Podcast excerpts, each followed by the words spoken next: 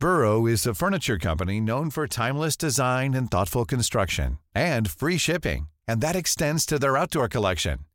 Their outdoor furniture is built to withstand the elements, featuring rust-proof stainless steel hardware, weather-ready teak, and quick-dry foam cushions. For Memorial Day, get 15% off your Burrow purchase at burrow.com slash ACAST and up to 25% off outdoor. That's up to 25% off outdoor furniture at burrow.com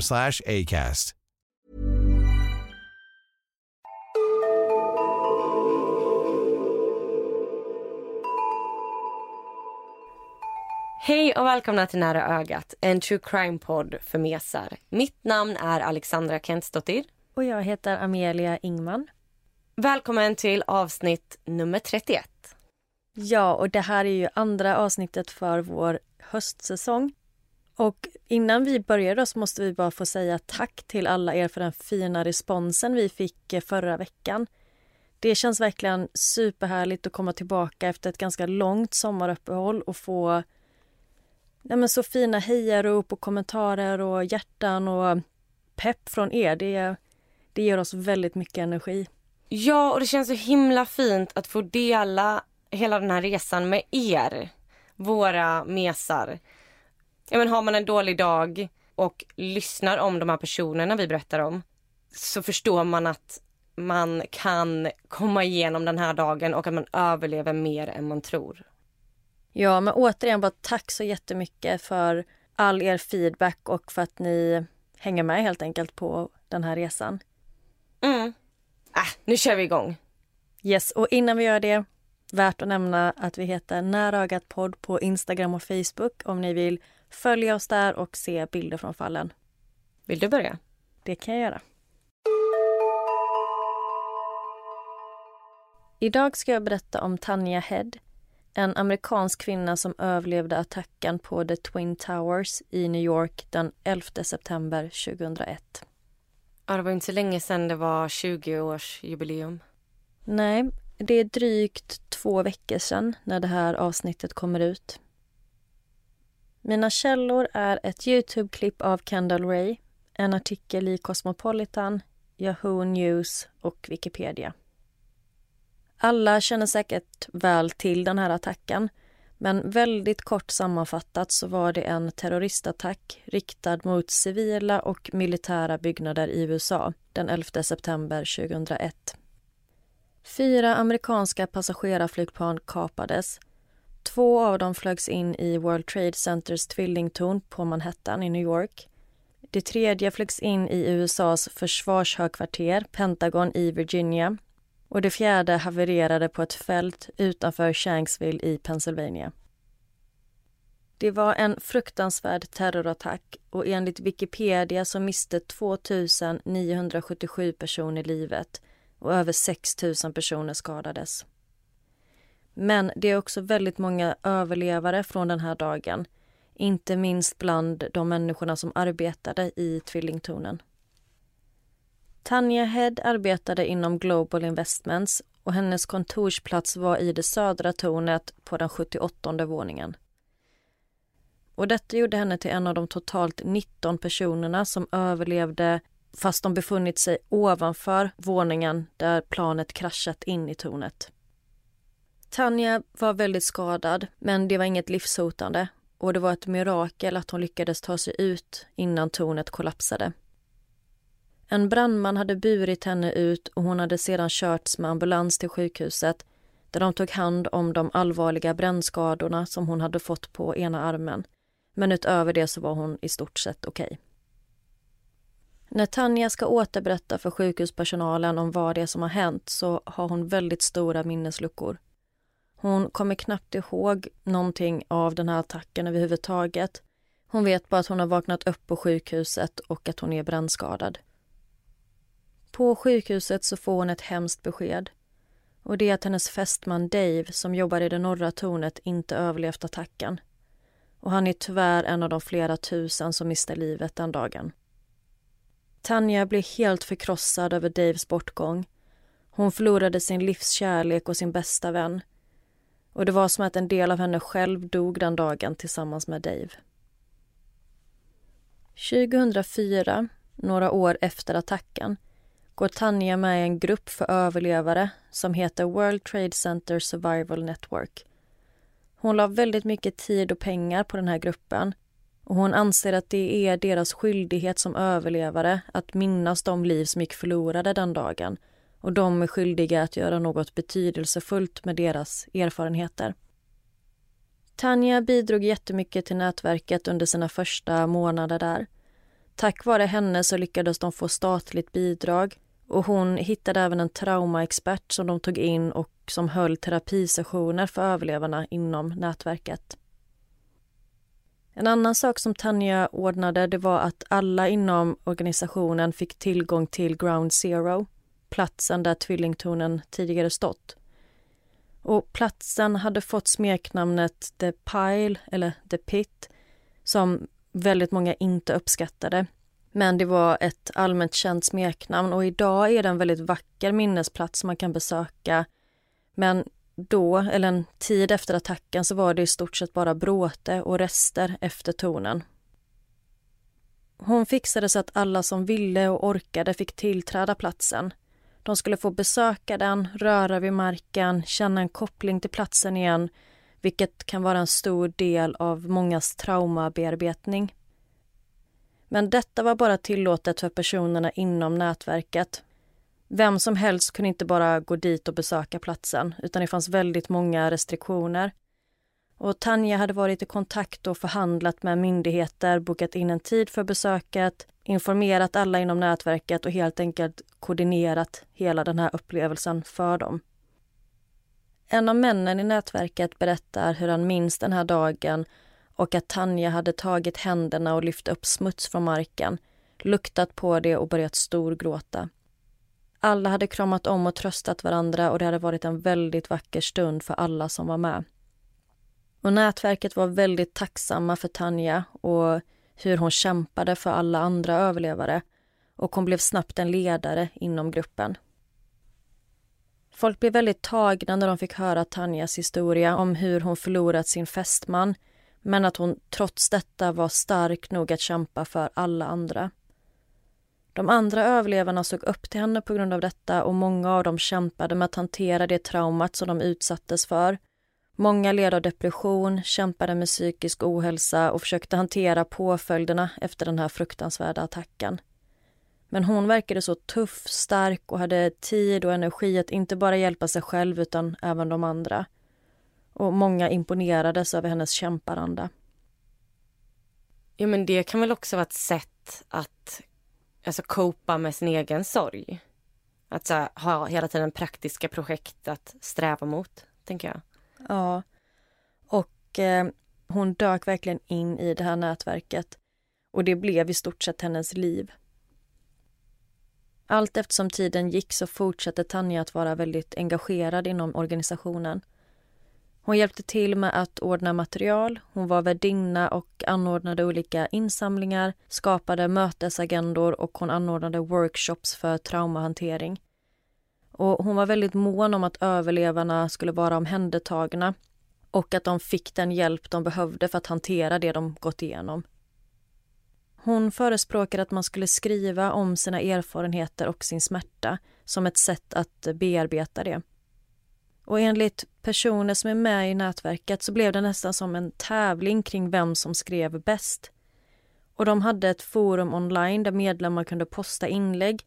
Och de tävlade typ om att få flest interaktioner och engagemang och vem som kunde få mest uppmärksamhet tack vare sina berättelser. Men alla hade inte en superspännande och detaljrik historia som Tanja hade. Utöver att posta inlägg så brukade Tanja även skicka ut mejl till alla medlemmar inom nätverket, vilket var över 500 personer. Och en gång så skickade hon ut en lång uppdatering om hur hon kontaktat butiken där hon köpt sin brudklänning och att hon bett om att donera klänningen eftersom hon inte längre kommer ha någon användning för den. Och folk älskade att höra detta hon var så fantastisk och generös och osjälvisk som valde att donera sin bröllopsklänning. Och många andra hade kanske hämtat ut den och behållit den som ett fint minne eller något, men inte Tanja. Och alla var väldigt involverade i Tanja och hennes kärlekshistoria med Dave och deras hemska öde. Och hon började nästan bli som en kändis inom nätverket.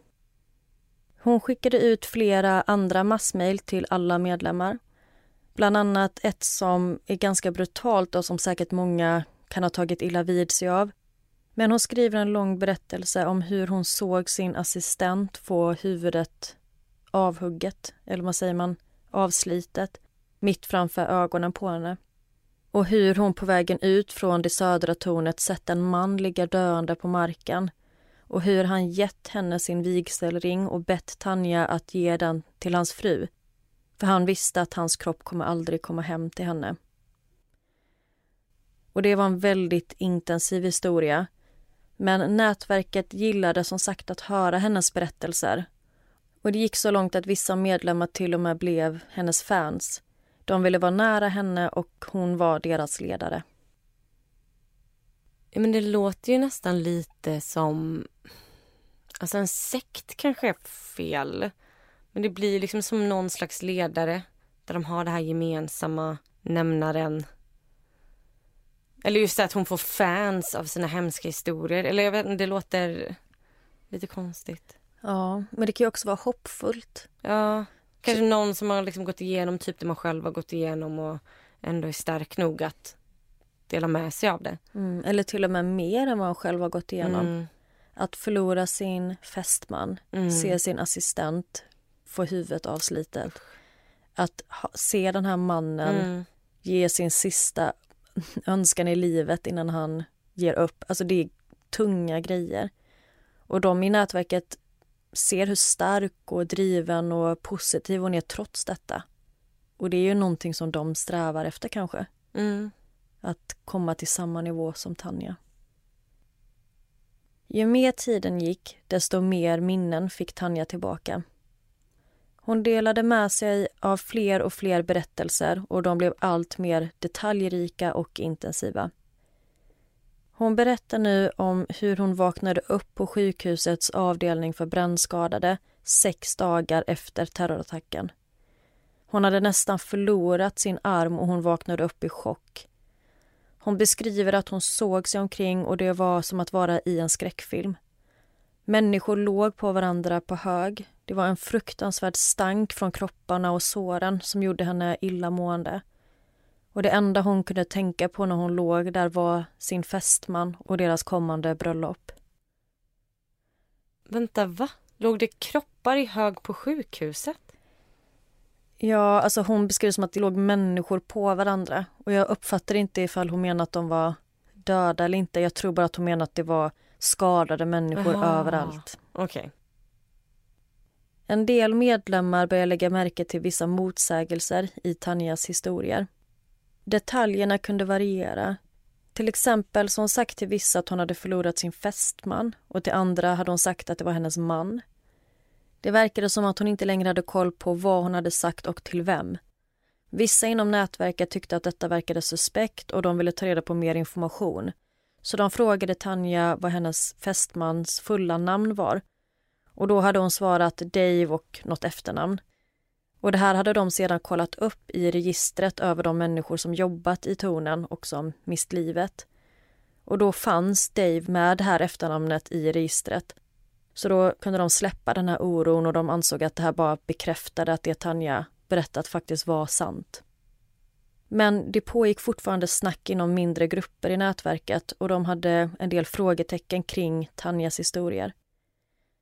De menar att det fanns vissa detaljer som inte passade in och det fanns delar som inte lät trovärdiga. Men samtidigt så kände de sig väldigt skyldiga över att ifrågasätta henne även om det bara var i smyg. För att det är ju inte något som man vanligtvis ifrågasätter någon för. Att någon har överlevt ett sånt här trauma och förlorat sin livskärlek. Plus att Tanja hade faktiskt ett ärr efter en brännskada på armen. Och hur skulle hon fått det om det inte vore från attacken? I maj 2002 publicerade New York Times en artikel om de sista minuterna inne i tvillingtornen innan de kollapsade. Och tidningen intervjuade alla överlevare som befunnit sig i det södra tornet ovanför våningen där planet kraschat. Och när de får höra talas om Tanja från andra överlevare så undrar de vem hon är, för hon finns inte med i deras register. Så nu börjar även media att försiktigt ifrågasätta Tanja. Den 9 september 2005 öppnar 9-11 Tribute Center där de bland annat delar historier från flera olika överlevare och även Tanjas berättelse var en av dem. Och Tanjas historia hade till och med inspirerat centret till att bygga en plats dedikerad för överlevare att samlas och dela sina upplevelser med varandra. Tanja ombads av centret att ge en rundvandring över området till några viktiga personer som skulle komma dit, bland annat borgmästaren och andra stora politiker. Och hon var verkligen en stark person och upplevdes som väldigt samlad med tanke på vad hon gått igenom och hon var väldigt inspirerande. Så hon passade perfekt till att leda den här rundturen som även skulle gå förbi Ground Zero. Och Tanja tackade såklart ja till detta. Under rundturen så började Tanja att bete sig lite konstigt och annorlunda. Hon var inte längre den här självsäkra kvinnan man var van vid att se utan hon tappade orden och verkade nervös. Och den här rundturen följs av ett kamerateam. Allt filmas och det var väldigt mycket press på plats. Och det verkar som att hon är väldigt obekväm över hela situationen. Efter eventet så skickar Tanja ut ännu ett massmail till nätverket där hon först berättar och typ skryter om att hon fått äran att möta de här viktiga personerna och leda rundturen. Sen så skriver hon även att hon var så nervös och att hon inte ens minns vad det var hon sa. Och hon berättar också om alla de här kamerorna och hur överväldigande det hade varit för henne. Och de flesta som fick det här mejlet var väldigt stöttande och glada för hennes skull. Men vissa tyckte att det var lite udda att hon var så taggad och exalterad över den här uppmärksamheten. Med tanke på att det borde kanske tynga henne mer att besöka Ground Zero. Och hon borde kanske inte vara så himla glad med tanke på sammanhanget. Tiden går och hennes historia ändras sig nu ännu mer. Nu berättar hon att istället för att vara en brandman som bar ut henne ur tornet så var det en främmande man med en röd bandana. I hennes första berättelse hade hon bara sett den här mannen. Sen så hade han släckt elden på hennes arm. Sen så hade han hjälpt henne ut och nu hade han burit henne ut. Och hennes historia skiftade hela tiden kring den här typen av detaljer. Den 7 september 2006 valde The New York Daily News att göra ett personporträtt av Tanja. Och det fanns flera detaljer i den här artikeln som inte stämde överens med överlevarnas berättelse i artikeln som New York Times tidigare publicerat. Och de hade som sagt intervjuat alla som varit ovanför våningen där planet kraschade, precis som Tanja påstått sig vara. Men hon hade som sagt inte blivit tillfrågad att ställa upp i den första intervjun. Trots dessa motsägelser så är det fortfarande väldigt många medlemmar inom nätverket som stöttar henne och så småningom röstas hon fram till president för organisationen. Många medlemmar menar att efter att hon fick den här rollen så började hon bete sig annorlunda, som att hon var bättre än alla andra. Och allt eftersom fler personer börjar störa sig på Tanja, desto fler börjar nu hitta fel i hennes historia. The New York Times kontaktar de personer som Tanja nämnt i sin berättelse för att bekräfta det hon sagt. Och de frågar även efter mer information. Till exempel så vill de ha namnet på Tanjas assistent. Kvinnan som Tanja menar fått huvudet avslitet framför henne. De vill även ha kontaktuppgifter till både assistentens familj och Tanjas fästmans familj för att intervjua dem och bygga vidare på historien om Tanja. Och tanken bakom detta var inte att utreda henne utan det var bara för att de ville lyfta Tanjas historia ännu mer. Så de frågar efter namn och kontaktuppgifter, vilket Tanja inte kan ge dem. Och de börjar sätta lite mer press på henne och ställer tuffare frågor. Men Tanja hon går då till andra medlemmar inom nätverket för att beklaga sig över hur illa de här journalisterna från tidningen behandlar henne. Att de försöker förstöra hennes liv och hon är arg, gråter och säger typ hur vågar de ifrågasätta mig och min historia? Hur kan de inte tro på det jag säger? Folk tycker då synd om Tanja och vänner inom nätverket backar upp och stöttar henne. Och de anser att hon blir attackerad och orättvist behandlad av media. Tanja börjar skicka ut mejl till medlemmarna där hon uppmanar dem att inte prata om henne och hennes berättelse i media, oavsett vad. Och många undrar varför, för att hon har väl ingenting att dölja. Och inte långt därefter så börjar allt fallera för Tanja. The New York Times publicerade en artikel som klär första sidan där de hänger ut Tanja Head som en bedragerska och lögnerska. Den här historien får jättestor spridning i hela landet och folk var helt chockerade över att någon kan ljuga om att ha överlevt 9-11. Och det visade sig att hon inte ens hade varit där. Men vad är det här för människa? Jag, jag förstår inte hur man kan göra något sånt här. Det här är den största tragedin i typ USAs historia. Och hon hittar på att hon har varit där. Att hon har överlevt. Men var, alltså var hon tillsammans med han Dave eller var det också bara bullshit? Mm, det stämde inte helt. Journalisterna som skrev den här artikeln de hade kontaktat Daves familj eller den här mannen som de utgick från skulle vara Tanjas fästman baserat på registret av offer. Och det hade funnits en Dave med rätt namn, men han hade ingenting med Tanja att göra. Och hans familj hade aldrig ens hört talas om henne och deras historier matchade inte med varandra och det fanns ingen koppling mellan dem överhuvudtaget. Så Tanja hade förmodligen bara sett hans namn och sen hittat på resten. Så nej, hon hade inte haft någon fästman. Det visade sig även att Tanja ljugit och påstått att hon tagit examen både från Harvard och Stanford University. Men ingen av de här skolorna hade några register över att hon gått där. Hon påstod att hon jobbade på den stora banken och investmentbolaget Merrill Lynch i det södra tornet. Men Merrill Lynch menar på att Tanja har aldrig varit anställd hos dem och att de hade inte ens några kontor i något av tornen vid tiden för attacken.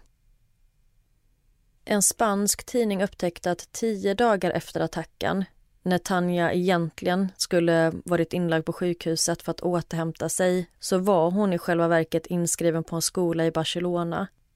Och det fanns flera elever på skolan som vittnade om att de hade varit i samma klass som henne under tiden som hon menar att hon låg på sjukhuset. Och i skolan så hade Tanja gett flera olika versioner till olika klasskamrater om vad som hade hänt med armen. Bland annat att Tanjas hem börjat brinna, att hon varit med om en bilolycka eller att hon skadat armen i en ridolycka. Och man har ingen aning om vad det är som faktiskt gett henne det här ärret. Tanja hade även ljugit om sin identitet. Hennes riktiga namn är Alicia Esteve Head. Och det visade sig att hon inte var amerikansk medborgare och hon hade inte ens varit i USA när terrorattacken ägde rum. Första gången hon besökte USA var 2003, två år efter attacken. Och anledningen till att hon åkt dit var kontakten med nätverket.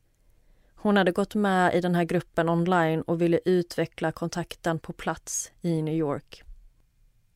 Jag kunde inte hitta jättemycket information om Tanjas bakgrund men hon är född och uppvuxen i Spanien och när hon var yngre så dömdes både hennes pappa och bror till fängelse för grovt bedrägeri. Och många menar att Tanja aldrig riktigt kom över detta och att hon till och med kanske blivit inspirerad av dem. Vissa säger att hon har haft ett väldigt desperat behov av att bli sedd och älskad och att ljuga var det enda sättet för henne att få den här uppmärksamheten och kärleken. Det verkar som att när Tanja till en början engagerade sig i nätverket för överlevare och när hon delade sina berättelser online så har hon förmodligen befunnit sig i Barcelona. Och det var på grund av nätverket och den uppmärksamheten hon fick där som hon överhuvudtaget reste till USA och började leva det här påhittade livet. När sanningen om Tanja kom ut så var det såklart väldigt många som kände sig frustrerade. Hur kunde en människa ljuga om något sånt här och vilseleda så många människor? Och för vad? Många inom nätverket var väldigt arga över vad Tanja utsatt dem för. Och det här blev bara ännu en grej som de tvingas bearbeta. De hade litat på henne och hon fanns där och hade stöttat flera av dem emotionellt. Hon hade blivit nära vän med många och det var hennes familj. Men trots att hon ljugit så mycket och för så många människor så åtalades hon aldrig för något brott. För det fanns egentligen ingenting att åtala henne för. Det är ju inte olagligt att ljuga. Och ska man utreda det hon har gjort så är det att hon kom in i organisationen, dedikerade sin tid, pengar, resurser och många anser att hon faktiskt har hjälpt nätverket mycket. Hon lurade aldrig någon på pengar eller liknande. Hon lurade däremot människor på empati och uppmärksamhet. Men hon gjorde aldrig något olagligt och blev därför aldrig straffad för detta. Så fort sanningen kom ut så lämnade hon landet och ingen har någon aning om vart hon tog vägen. Spanska tidningar har rapporterat om att hon är skriven och bor i Barcelona men det är ingenting som har blivit bekräftat. Och det var berättelsen om Tanja Head. Oj, vilken vändning. Jag tänkte att det skulle handla om 9-11, alltså att hon hade överlevt. Ja. Men det är så konstigt hur vissa personer fungerar. Som du säger, hon har inte lurat någon på pengar eller någonting. Hon har ju liksom snarare tagit det här nätverket framåt och uppåt. Mm. Men det känns som att en sån här person som cravar så mycket uppmärksamhet. Jag, förlåt, jag vet inte ens vad jag ska säga. Jag tycker att hon är helt galen. Ja, och det finns ju inte något så solklart motiv. Visst, man kan spekulera i att det handlar om uppmärksamheten. Men då hade hon ju kunnat säga i sina ursprungliga meddelanden att hon befann sig i Spanien. Att hon var en överlevare men att hon flyttat dit för att hon kanske inte klarar av att befinna sig i USA längre eller vad som helst och ändå fått den här uppmärksamheten. Men uppenbarligen så räckte det inte för henne att ha det på distans utan hon behövde åka dit. Men det här känns också som en sak som kan ha så eskalerat. Men man börjar lite smått, loggar in och sitter och läser andras berättelser och blir helt tagen och så börjar hon så här fantisera ihop någonting själv. Och liksom bara, äh, skriva ett inlägg här som jag själv har varit med om. Och så får hon massa likes eller kommentarer och folk skickar massa kärlek till henne. Och att det liksom triggar extremt mycket så att det bara så här fortsätter, fortsätter, fortsätter och till slut bara nej men jag måste träffa dem, jag måste vara där. Och bara så här, Den här bekräftelsen bara växer och växer och växer och att det är så lätt att ta nästa lilla trappsteg. Och sen när man tittar tillbaka så har ni ju klättrat upp för Mount Everest. Mm, eller hur? Och många sätt verkar som att hon var helt besatt av 9-11 och att hon byggde hela sitt liv runt de här lögnerna. Och sen med för henne att gå in i det här nätverket som bestod av faktiska överlevare och få flera av dem att känna sig otillräckliga på grund av att hon orkade så mycket och hon klarade av att göra så mycket för alla andra samtidigt som det var så många som fortfarande mådde väldigt dåligt och som inte alls var i närheten av Tanja. Som då drivs för att vara den här starka och inspirerande personen. Ja men vissa grejer du berättade som hon skickade ut i massmail. Det kändes som att det var hennes blogg eller någonting. Mm. Det var som att hon skickade ut så blogginlägg från sitt liv men i liksom folks mailinkorgar. Så ja, det är jättekonstigt beteende. Ja, det verkar lite som att hon har varit eller är en mytoman. Och frågan är så här, hur tror hon själv på det? Nej, det verkar inte så. Det, det verkar som att hon förstod direkt att det var kört när sanningen kom fram. För att hon lämnade som sagt landet direkt. Och det enda jag kunde hitta om hennes liv efter det, det är typ att hon tyckte att det här hade varit så fruktansvärt pinsamt. Och hon kände sig väldigt hatad och valde då att ligga lågt. Så hon har ju egentligen hållit sig gömd efter detta. Och det finns vissa uppgifter om att hon fick sparken från sitt jobb i Barcelona 2012 efter att arbetsgivaren fått reda på vad hon gjort. Men det är ingenting som är bekräftat. Mm. Men förmodligen hade hon kunnat fortsätta leva den här lögnen om det inte vore för att hon hela tiden gick tillbaka och ändrade på detaljerna i sin berättelse. Vilket faktiskt gjorde andra misstänksamma. Och kanske om hon inte ställde upp på de här personporträtten och intervjuerna. Ja men hon var ju sin egen största fiende. När folk vill göra personporträtt på henne, det bara matar ju hennes bekräftelsebehov. Ja men det är väl också så exempelvis i polisförhör och sånt att poliser ställer samma fråga massor med gånger för att många gånger om man ljuger så ändras detaljerna. Men om du faktiskt kommer ihåg någonting så förändras inte det så mycket. Nej, precis. Och det är ju väldigt många som tycker att hon borde stå till svars för det här hon gjorde och alla lögner och, och den här smärtan som hon har orsakat många i hennes närhet. Men det var som sagt inget olagligt så det finns ingenting att stå till svars för. Men typ så länge det inte handlar om pengar så åker man inte dit på något. Nej. Stjäla folks empati. Nej, sjukt spännande fall. Eh, jag hade inte hört talas om det här innan, så jättespännande att få höra. Ja, vad kul. Tack. Och nu är det dags för mig att lämna över till ditt fall. Everyone knows therapy is great for solving problems, but getting therapy has its own problems too, like finding the right therapist, fitting into their schedule, and of course, the cost. Well, BetterHelp can solve those problems. It's totally online and built around your schedule. It's surprisingly affordable too. Connect with a credentialed therapist by phone, video, or online chat, all from the comfort of your home. Visit betterhelp.com to learn more and save 10% on your first month. That's BetterHelp H E L P.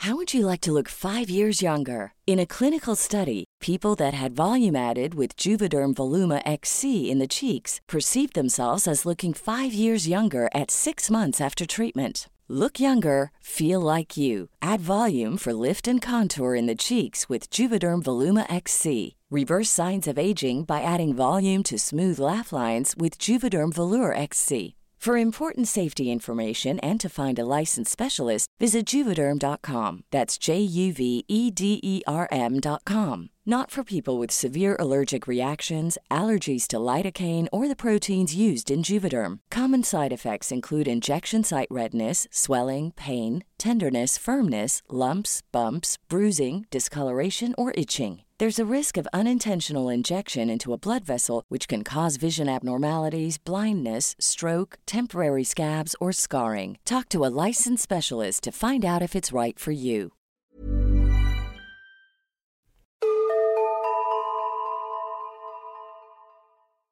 Mitt fall idag är ett tips från en kompis. Och mitt enda problem det är att jag inte minns vem det var som tipsade mig om det här fallet. Så känner du igen det här, att det är du som har tipsat mig om det här fallet, så hör av dig så får du cred på Instagram istället. Mina källor idag är en eh, P1 Dokumentär som jag kommer avslöja namnet på i slutet. Artiklar från Göteborgs-Posten, The Canadian Press, lokalpressen Härryda och Aftonbladet. Och det här fallet är lite the perfect storm mellan två av mina största rädslor. Det innehåller både flygplan och mörkt vatten. Och jag ska nu berätta vad som hände piloten Truls Hansen och hans kompis och andre pilot Oliver Edward Neal. Truls Hansen är född och uppvuxen på danska ön Fyn.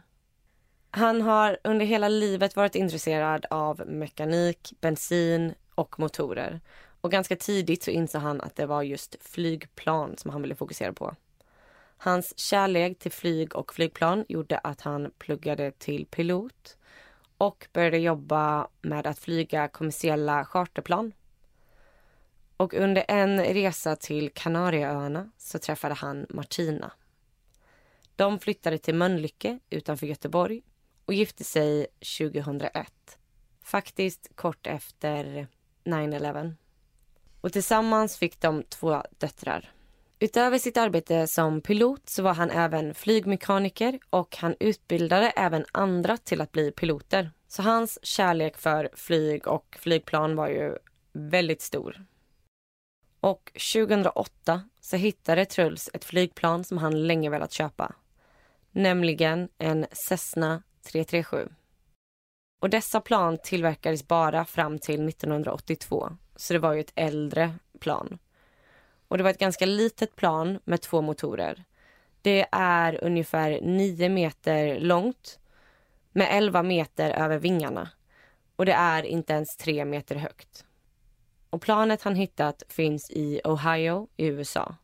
Så han frågar då 25-åriga Oliver Edwards Neal om han vill hänga med och hämta hem planet. Och Oliver, han är en australiensisk man som nu också bor i Göteborg. Han tackar såklart ja. Och planen var att resan skulle ske i augusti. Men på grund av försenade renoveringar av planet så kunde resan först ske i december 2008. Så männen beger sig till Ohio och därifrån så flyger de till Plymouth i Massachusetts. Vad hette det? Så? alltså jag har övat på att säga Massachusetts. jag kommer aldrig kunna uttala den delstaten. Kan du, vet du hur man säger det? Alltså jag kommer inte ens försöka. Massachusetts? Massachusetts? Någonstans i USA. Plymouth i östra USA. Och väl i Plymouth så preppar de för att starta sin stora resa. Och tanken är att resan först ska gå norrut över nordöstra Kanada, över Hudsonsundet till Iqaluit. Därefter rakt österut till Grönland, sen Island och till sist Göteborg. Så i Plymouth köper de på sig en livbåt, räddningsvästar, nödraketer och proviant och gör sig redo för att starta den riktiga turen. Och detta är ju som sagt i december och så långt norrut så är det inte så många soltimmar om dygnet som vi vet här i Sverige. Så att de vill ju passa på att utnyttja de få soltimmarna som finns och flyga när det är ljust. Men när de vaknar 7 december så har det snöat oerhört mycket. Så de blir försenade då de var tvungna att skotta loss planet. Och i och med att det var så dåligt väder så tar de direkt på sig sina torrdräkter. Och de drar upp dem till midjan men låter dem hänga därifrån. Hur lång tid skulle den här resan ta? Jag är lite osäker på exakt hur lång tid resan ska ta men de flyger i olika etapper då. Så de flyger först då från Plymouth till Iqaluit, pausar där, flyger till Grönland, pausar där, Island, pausar där, Göteborg. Så det var inte en lång resa på det sättet. Nej, okej. Okay. Så killarna satte sig i planet och började flyga. Och efter någon timme så har det slutat snöa och nu flyger de i klarblå himmel över den kanadensiska ödemarken. Och de flyger ut över vattnet. Solen går ner. De flyger över havet och Truls är helt tagen av det vackra landskapet. Färgerna är magiska. De dricker varsin kopp kaffe och Truls beskriver det här som att det här är toppen av livet. Sen så går solen helt ner och det blir mörkt. Och det blir kolsvart. Och efter ett tag så berättar Truls att han hör att någonting hände med ena motorn. I P1-dokumentären så berättar han att, alltså att motorn är ju nästan som ett instrument. Man hör en viss ton hela tiden. Men att han hör sen hur den här ena motorn då byter ton. Så här, mm, mm, alltså någonting händer i motorn som får honom att reagera. Och då säger Oliver att oljetemperaturen sjunker på den motorn. Och Truls är lite i förnekelse. Han tror att det är något fel på mätaren och inte på oljan. Men så säger Oliver att oljetrycket sjunker. Och Truls inser att motorn håller på att dö. Och han planerar att stänga av den men hinner inte innan motorn skär sig. Och det blir ett hemskt gnisslande ljud och sen smäller det till. Planet, Cessna 337, är ju ett tvåmotorigt flygplan. Så det är inte så att planet störtar utan det kan ju flyga vidare med en motor igång. Men det är såklart inte bra att ena motorn har dött. Och Truls är inte den som får panik i onödan. Men han måste ropa mayday i nödradion. Och ett annat plan svarar och Truls berättar då vad som har hänt, att ena motorn har dött. Så att det andra planet kan vidarebefordra informationen till trafikledningen. Och sen berättar Truls även att de kommer fortsätta flygningen framåt. Men på lägre höjd då de bara nu har en fungerande motor. Men varför landar han bara inte? De är över vattnet nu. Så oh. då får de liksom vända tillbaka om de ska landa. Okej. Så att han tänker ju att de, det är lika bra att fortsätta framåt så, så de kommer fram till nästa ställe. Truls hinner ju tänka att det här var inte bra. Det här kommer kosta honom massa pengar att fixa det här. Och det tar inte många minuter, kanske tre, fyra, så hör de att den andra motorn också börjar låta konstigt. Temperaturen sjunker och sen så sjunker oljetrycket. Motorn skär sig och sen en smäll. Och även här, det är inte så att planet kraschar ner i vattnet utan det glider fram, men i total tystnad. I mörker, utan motorer. Och under dem finns bara iskallt vatten. Truls förstår att han max har tio minuter innan de kommer träffa vattnet. Och igen så ropar han mayday och berättar att de nu är på väg ner i vattnet och att ingen motor funkar. Och i den här dokumentären så berättar Truls att när de har förmedlat den här informationen så får de frågan What do you need? Och Truls nästan så skrattar när han återberättar detta. What do you need i en sån här situation? Och han svarar bara I need you guys to come and get us. De förstår att de måste få på sig torrdräkterna helt. Och det är trångt och det är krångligt. Och de drar på sig de här dräkterna och den ska ju över huvudet och dräkten är helt täckande förutom just kring ansiktet. Och de är till för att de ska vara helt torra på kroppen även om de hamnar i vattnet. Och sen efter det ska de även få räddningsvästen över den här dräkten. Och bakom Oliver så finns räddningsutrustningen som de har köpt i Plymouth, så han börjar hålla på med det. Och efter ungefär fem minuter så har de fått på sig dräkterna och nu närmar de sig vattnet. Kom ihåg att det är helt mörkt ute och det är liksom svårt att se vart horisonten är. Och Truls inser att han måste försöka någonting under den här tiden innan de träffar vattnet. Så han försöker få igång motoren igen, även om han vet att det är kört. Men han testar i alla fall och testar att starta båda på en gång. Men i och med att de har skurit sig så snurrar de inte. Och tyvärr så slutar detta bara i att han tömmer hela batteriet. Så att nu slocknar även instrumentpanelens ljus.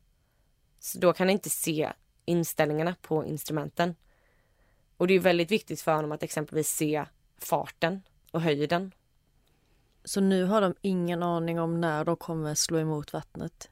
Nej, planet är mörkt. Utanför planet är det mörkt. Och det enda ljus de egentligen har är månen. Så det gör att de kan utskilja lite i mörkret. Men nu så börjar han förstå att de är nära vattnet. Och då ropar Oliver att det finns ett isflak lite längre fram.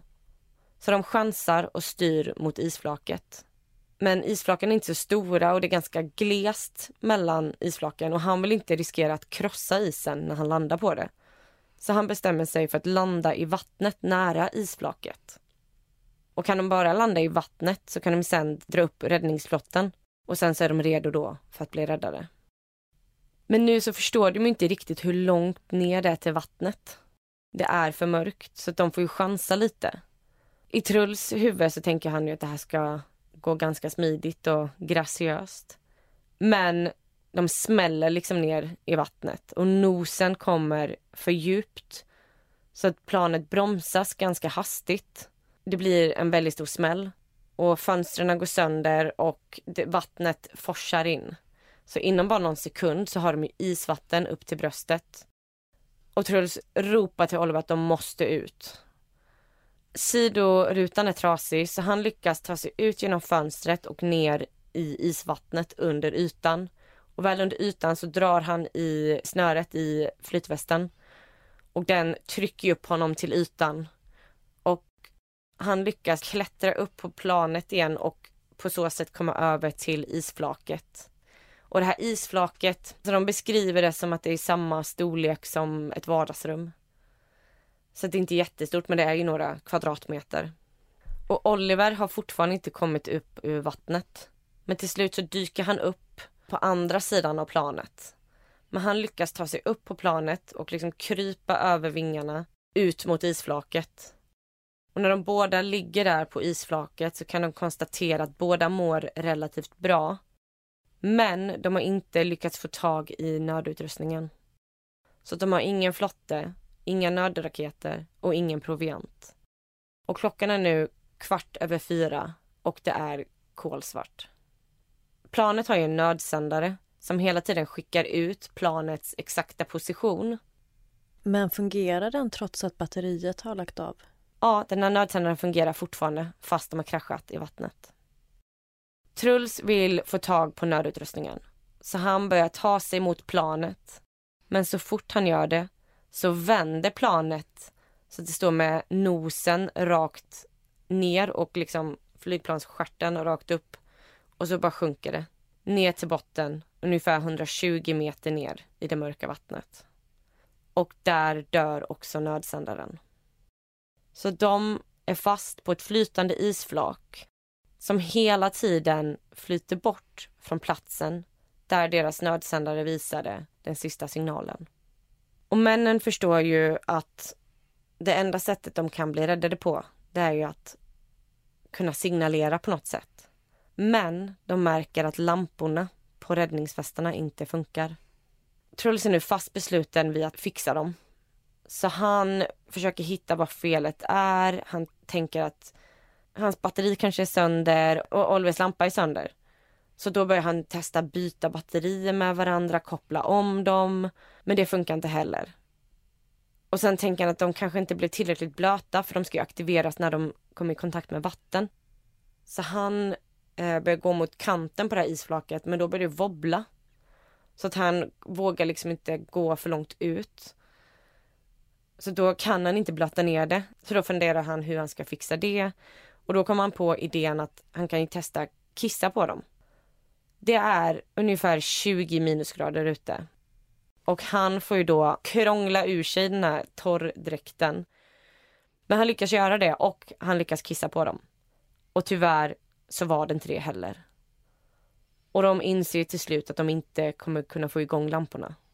Och därmed har de ingenting för att kunna signalera efter hjälp.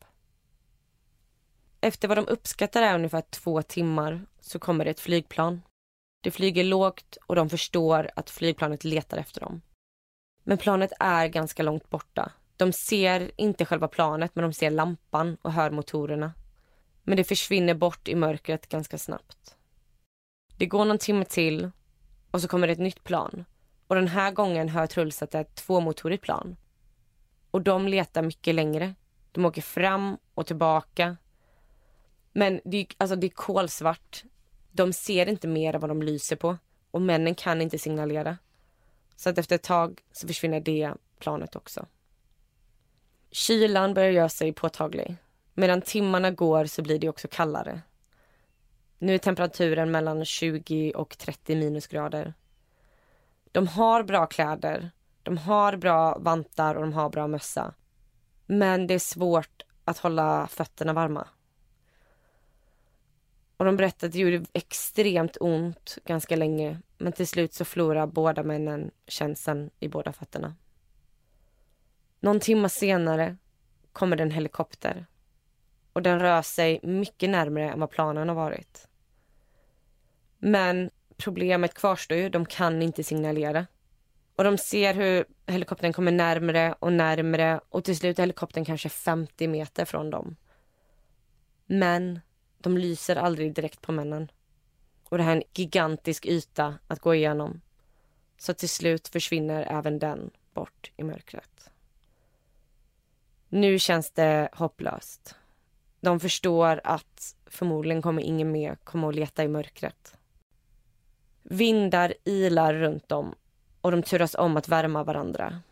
En står med ryggen mot vinden och den andra får skydda sig ett tag och de klappar på varandra och försöker hålla värmen på så sätt. Och de förstår nu att deras enda chans att överleva är om de klarar sig tills det blir ljust ute. Samtidigt i Sverige. Truls fru Martina berättar att hon aldrig brukar vara orolig för dem när de är ute och flyger. Men inför den här resan så fick hon en dålig känsla. Det var ju december, det var kallt, det var mörkt, hon hade inga bra vibbar. Hon visste att det skulle kunna vara massor med regn och blåst och snöstormar och det ena med det andra. Just den här dagen var Martina sjuk hemma. Likaså äldsta dottern. Och den yngsta dottern var redan i skolan. Martina vaknar av att den äldsta dottern kommer och säger att de har besök.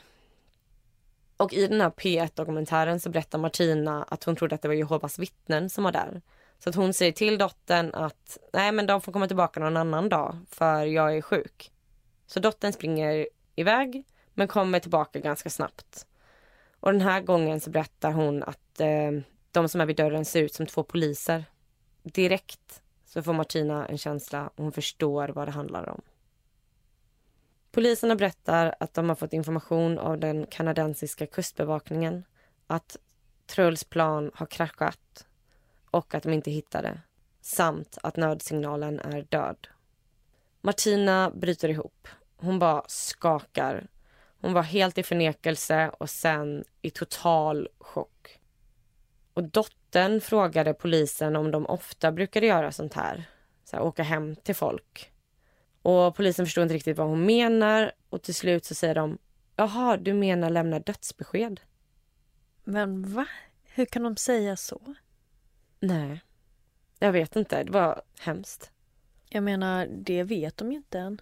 Nej. Alltså även om saker tyder på någonting så kan man inte ta det för givet. Så det känns extremt klumpigt och dumt att säga det i den här situationen. Gud vad hemskt för dottern att få höra det. Mm. Dottern går in och stänger in sig på rummet. Och i efterhand så fick de reda på att hon hade skrivit ett brev till tomten där hon önskade att pappan skulle leva. Åh. Truls och Oliver har velat ge upp flera gånger under natten. De har stått tysta i timmar och bara värmt varandra. Och till slut så ser Truls hur det börjar ljusna ute. Och han kan knappt tro sina ögon. Han tror först att han inbillar sig. Men de har överlevt till morgonen. Och detta gav dem ny energi och nytt hopp. På morgonen så såg de två valrossar ta sig upp på ett isflak i närheten. Och Truls tänkte för sig själv att människan minsann inte klarar sig särskilt länge. Medan de här valrossarna bara plaskar runt som om de vore i ett badkar. Men hur sjukt om valrossarna hade försökt komma upp på deras isflak. Alltså jag, jag hade fått sån panik. Nej men alltså det är mardrömmen. Man har överlevt hela natten så kommer två valrossar och knuffa bort den. Men när det har blivit ljusare ute kan de äntligen se sig runt omkring. Och de ser att under natten har liksom frusit till fler isflak. Och när de tittar bortåt horisonten så ser de någonting som ser ut som land. Men det är väldigt svårt att avgöra hur långt bort det är. Det kan vara 400 meter eller typ 40 kilometer då allting bara är vitt och snötäckt. Det finns ingenting som ger perspektiv på hur långt det är. Truls vill börja ta sig emot det här som ser ut som land. Och han känner att nu när han äntligen kan se så kan de faktiskt göra någonting åt sin situation och han vill inte stå still. Så att han vill att de ska börja hoppa mellan de här isflaken. Oliver är inte riktigt lika taggad på den här idén för han tycker att det känns som en väldigt stor risk. Om man ramlar ner så kanske man inte kommer upp igen. Men Truls tar sats och hoppar till nästa isflak. Han börjar i alla fall ta sig in mot land. Men han ropar på Oliver, kom igen nu, vi måste fortsätta. Och till slut så börjar Oliver komma efter. Men Truls vänder sig hela tiden om och tittar så Oliver är med. Men någon gång när han gör det så tycker han att han ser något som lyser till på honom. Men det försvinner ganska snabbt. Och han hör ju inga motorer. Så att han tänker att det kan ju inte varit ett plan. Och sen så händer det igen och igen och till slut så förstår han att det är ett fartyg som är längre bort. Så de börjar ta sig mot det här fartyget. Och de ser liksom att det är någon slags strålkastare som är det som blinkar och som verkar leta efter något. Och till slut så lyser strålkastaren rakt på männen. Det här fartyget åker mot dem och ett tag så tror Truls att eh, det kommer köra på dem. Men det stannar ungefär 10 meter från där de står och virar ner en livbåt. Fartyget var räktrålaren Atlantic Enterprise. Det var deras danske kapten Bo Basse Mortensen som på sin satellitradio hade hört om det här planet som kraschat och fått deras sista koordinater och trålaren hade varit ungefär 18 timmars båtfärd därifrån men valde att avsluta fisket och bege sig norrut för att leta efter männen.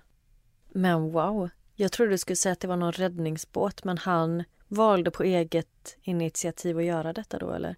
Ja. Vilken hjälte. Ja men och det här fisket är ju deras inkomst. Så att han gjorde ju verkligen någonting extremt osjälviskt.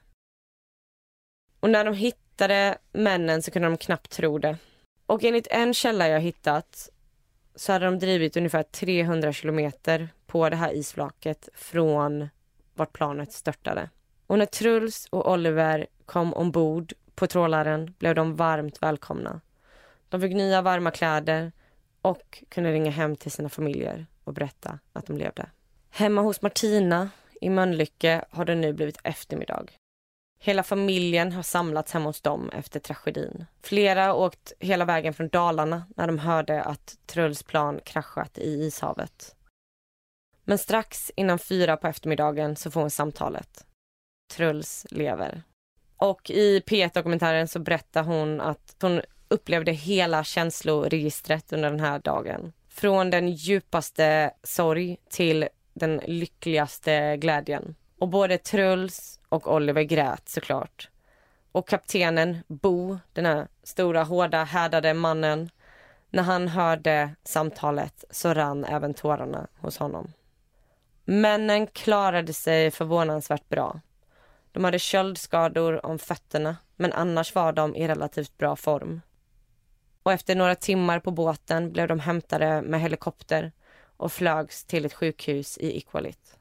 Idag flyger Truls fortfarande. Men han har lovat sin fru att inte flyga småflygplan över Atlanten någon mer gång. Och han har fortfarande kontakt med kapten Bo Basse Mortensen. Och med jämna mellanrum så får Truls hemskickad en låda med frysta ishavsräkor till familjen.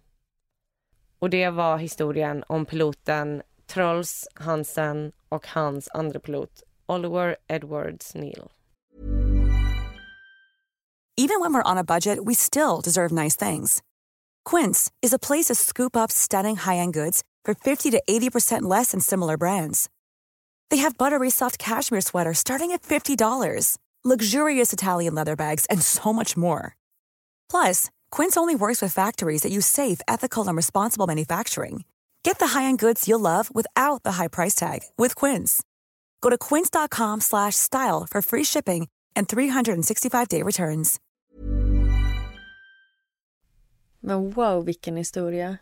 Som du säger, det är ju dubbelt upp med det här flygkrasch och mörkt djupt hav. Och kyla. Ja, usch. Men så fantastiskt att de klarade sig. Och som du sa för familjen att mm. eh, gå igenom så många känslor på så kort tid. Måste vara dränerande men gud vad skönt. Att de fick beskedet om att han klarat sig ändå relativt fort efter olyckan. Ja. Men när du berättade om detta att han hade haft planet inlämnat för reparation. Det blir försenat och båda motorerna lägger av. Mm. Och utrustningen funkar inte så de fått med sig. Vad är det för ställe han har köpt planet från? Nej, alltså och det är så sjukt att lampan inte funkar på någon av räddningsvästarna. För de haft minsta lilla sken så kan man ju liksom försöka visa vart man är. Nu att bara stå där i mörkret och inte kunna göra sig synlig.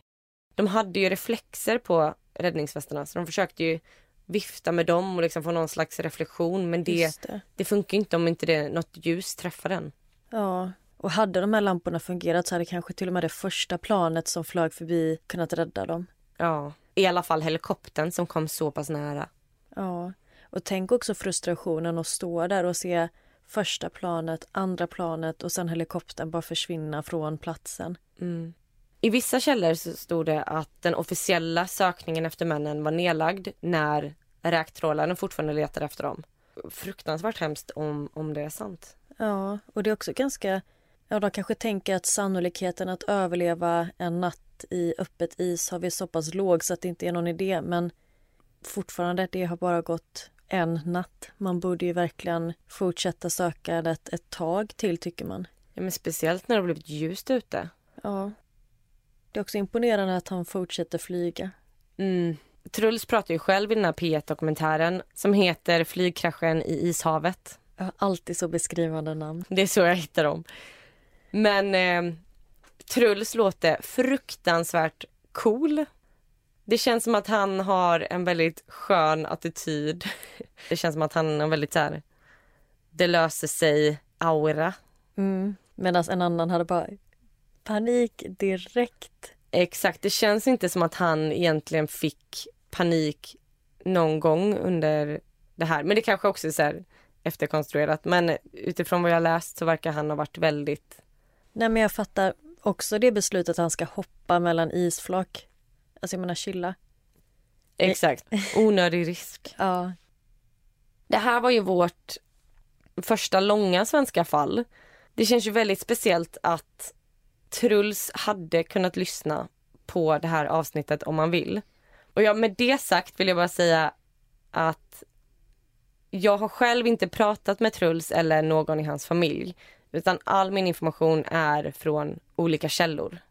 Men om det är han själv som har berättat om det här i P1-intervjun så, så är han förhoppningsvis okej okay med att du återberättar det här. Ja, men jag tror det. Han har ju uttalat sig i flera artiklar och tidningar och sånt. Och i det här fallet så fanns det ju ingen gärningsman eller så. Så att det kändes bara som två hjältar som överlevde. Så därför tänkte jag att det här fallet måste vi lyfta. Ja, och det var jättespännande så tack för det Asa. Ja, men tack själv. Och det här var avsnitt 31 av Nära ögat. Och bilder från fallen hittar ni på våra sociala medier och vi heter som sagt Nära ögat podd på både Instagram och Facebook. Så in och kika där så hörs vi igen nästa vecka. Puss puss! Hej då!